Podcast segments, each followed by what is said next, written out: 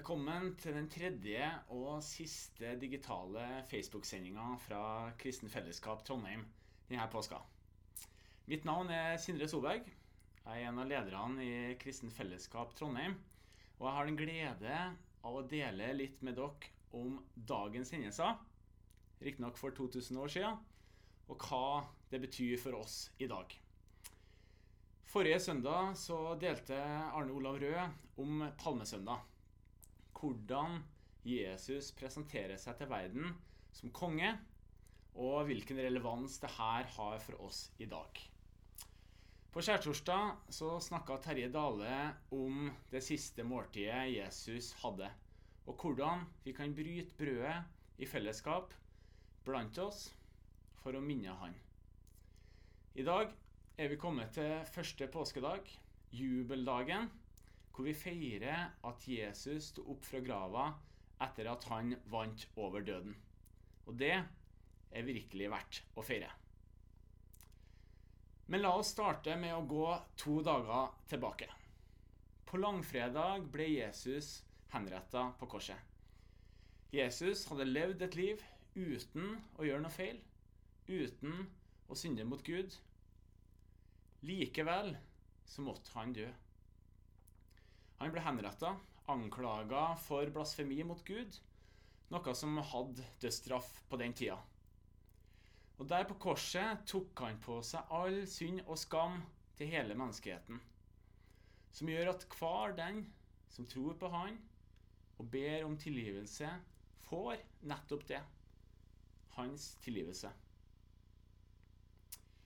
I denne påska så har jeg sett eh, en påskekrim som har gått på NRK1, som heter 'Nedgravde hemmeligheter'. Jeg tror ikke jeg avslører for mye av plottet når jeg sier det at eh, det er en mordsak som blir etterforska 30 år etter at mordet ble begått. De som var medvirkende i saken, har båret på en grusom hemmelighet i 30 år etter at eh, mordet ble begått. Og sjøl om de er lei seg over å bli tatt til slutt, så ser du at det er befriende for dem å endelig kunne fortelle sannheten. For det er sånn i det virkelige livet også at det er livgivende å gjøre opp for seg. Når det kommer til spørsmålet om vi har nådd opp til Guds standard, så kommer vi alle for kort. I Bibelen så kan vi lese at alle har synda og mangler Guds herlighet.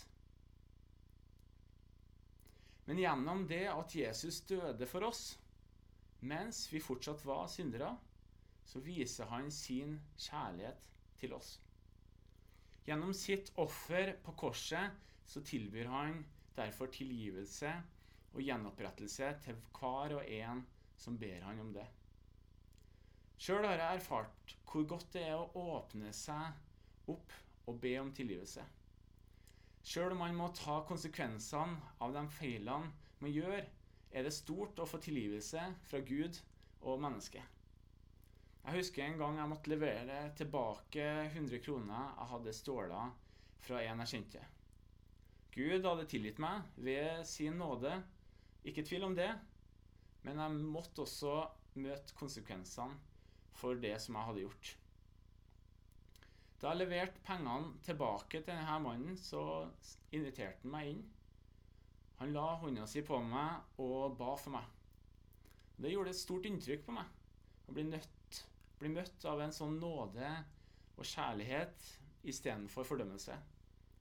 Dette var en mann som hadde lært av det som Jesus sjøl hadde gjort. To dager etter korsfestelsen skjer det store.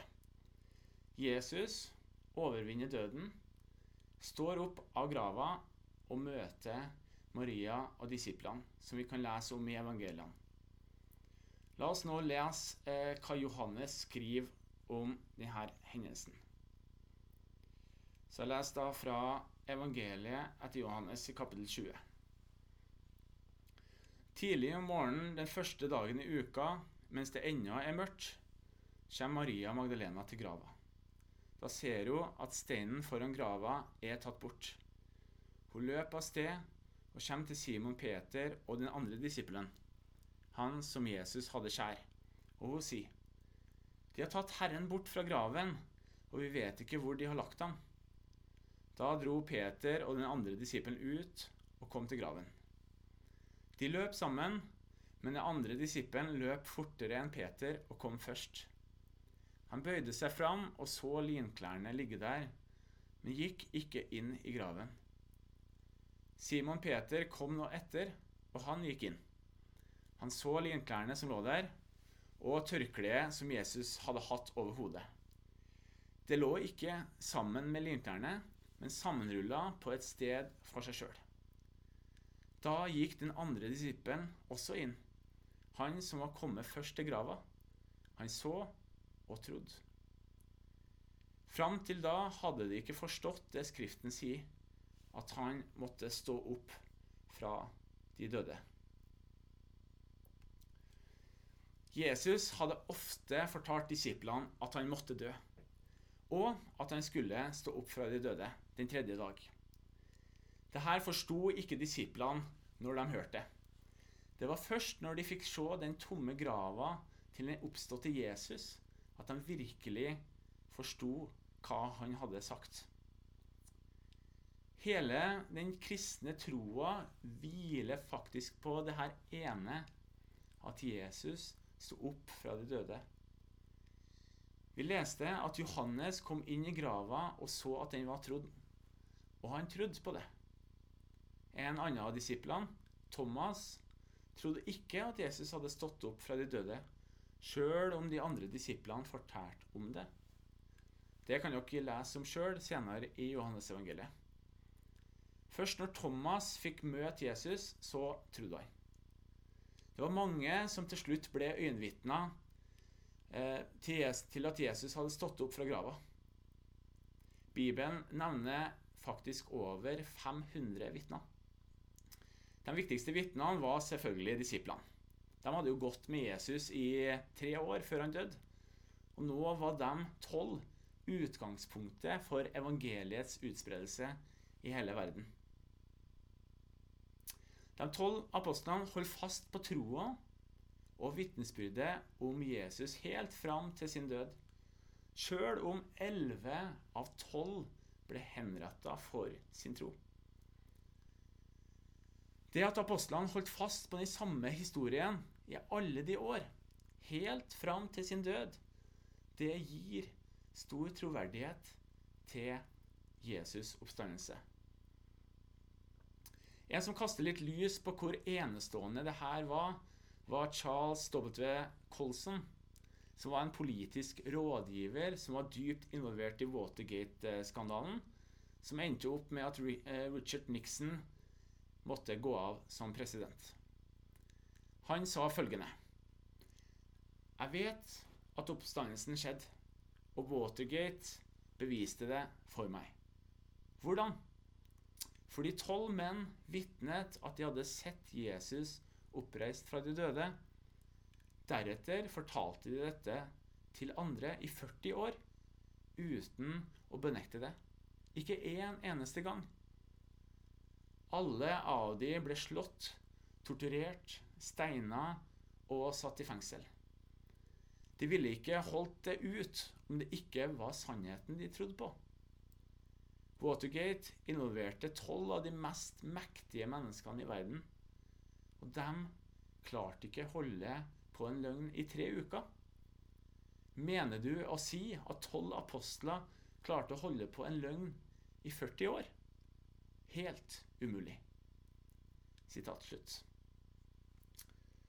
Vi som lever i 2021, vi må klare oss med troa på Jesu oppstandelser uten å se han i livet.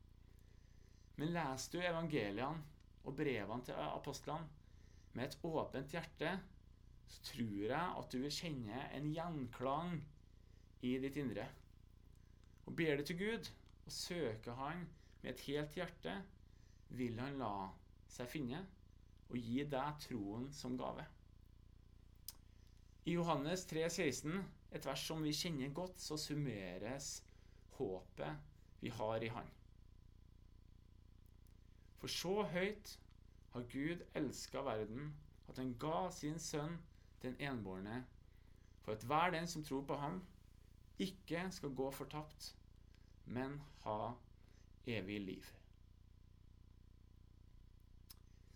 Jesus' død og oppstandelse er gode nyheter for alle mennesker. Fordi hver den som tror på Han, skal ikke gå fortapt, men ha evig liv. De gode nyhetene er så gode at de overskygger alle andre nyheter. Og dem er det mange av. Spesielt i disse tidene så kan en bli fylt av tunge tanker hvis det er bare nyhetsbildet man følger med på. Derfor er det viktigere enn noen gang å ta til seg budskapet som påska fører med seg. Tar du det til deg? I Jesus har vi nemlig et urokkelig håp. Dette ser vi tydelig i Jesus sine disipler sine liv. Hvordan de kunne glede seg over livet sjøl om de ble forfulgt for sin tro på Jesus. Til og med om kjente og kjære gikk bort, fantes det trøst for de som tror, de som tok til seg budskapet om Jesus død og oppstandelse. Bli med meg til første Tessalonikerbrev, kapittel 4, for å lese litt om det her. For så sant vi tror at Jesus døde og sto opp, så skal Gud ved Jesus også føre dem som er sovnet inn, fram sammen med ham. Og så skal vi være sammen med Herren for alltid. Trøst da hverandre med disse ord. Jeg husker godt talen til Jens Stoltenberg i en begravelse i etterkant av 22.07.2011. Stoltenberg han er en utmerket, utmerket god taler og han hadde naturligvis eh, store årsaker for å både være sjokkert, lei seg og sint på en sånn dag. Men likevel så beit det meg merke at i talen så sier han vi skal aldri, aldri se han igjen når han omtaler den som har dødd. Budskapet som vi finner i Bibelen, er et annet budskap.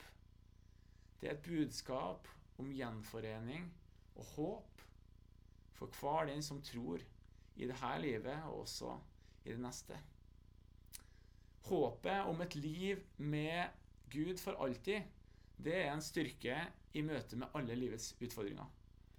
Men å tro på Jesus og følge Han gir ikke bare håp for et liv etter døden.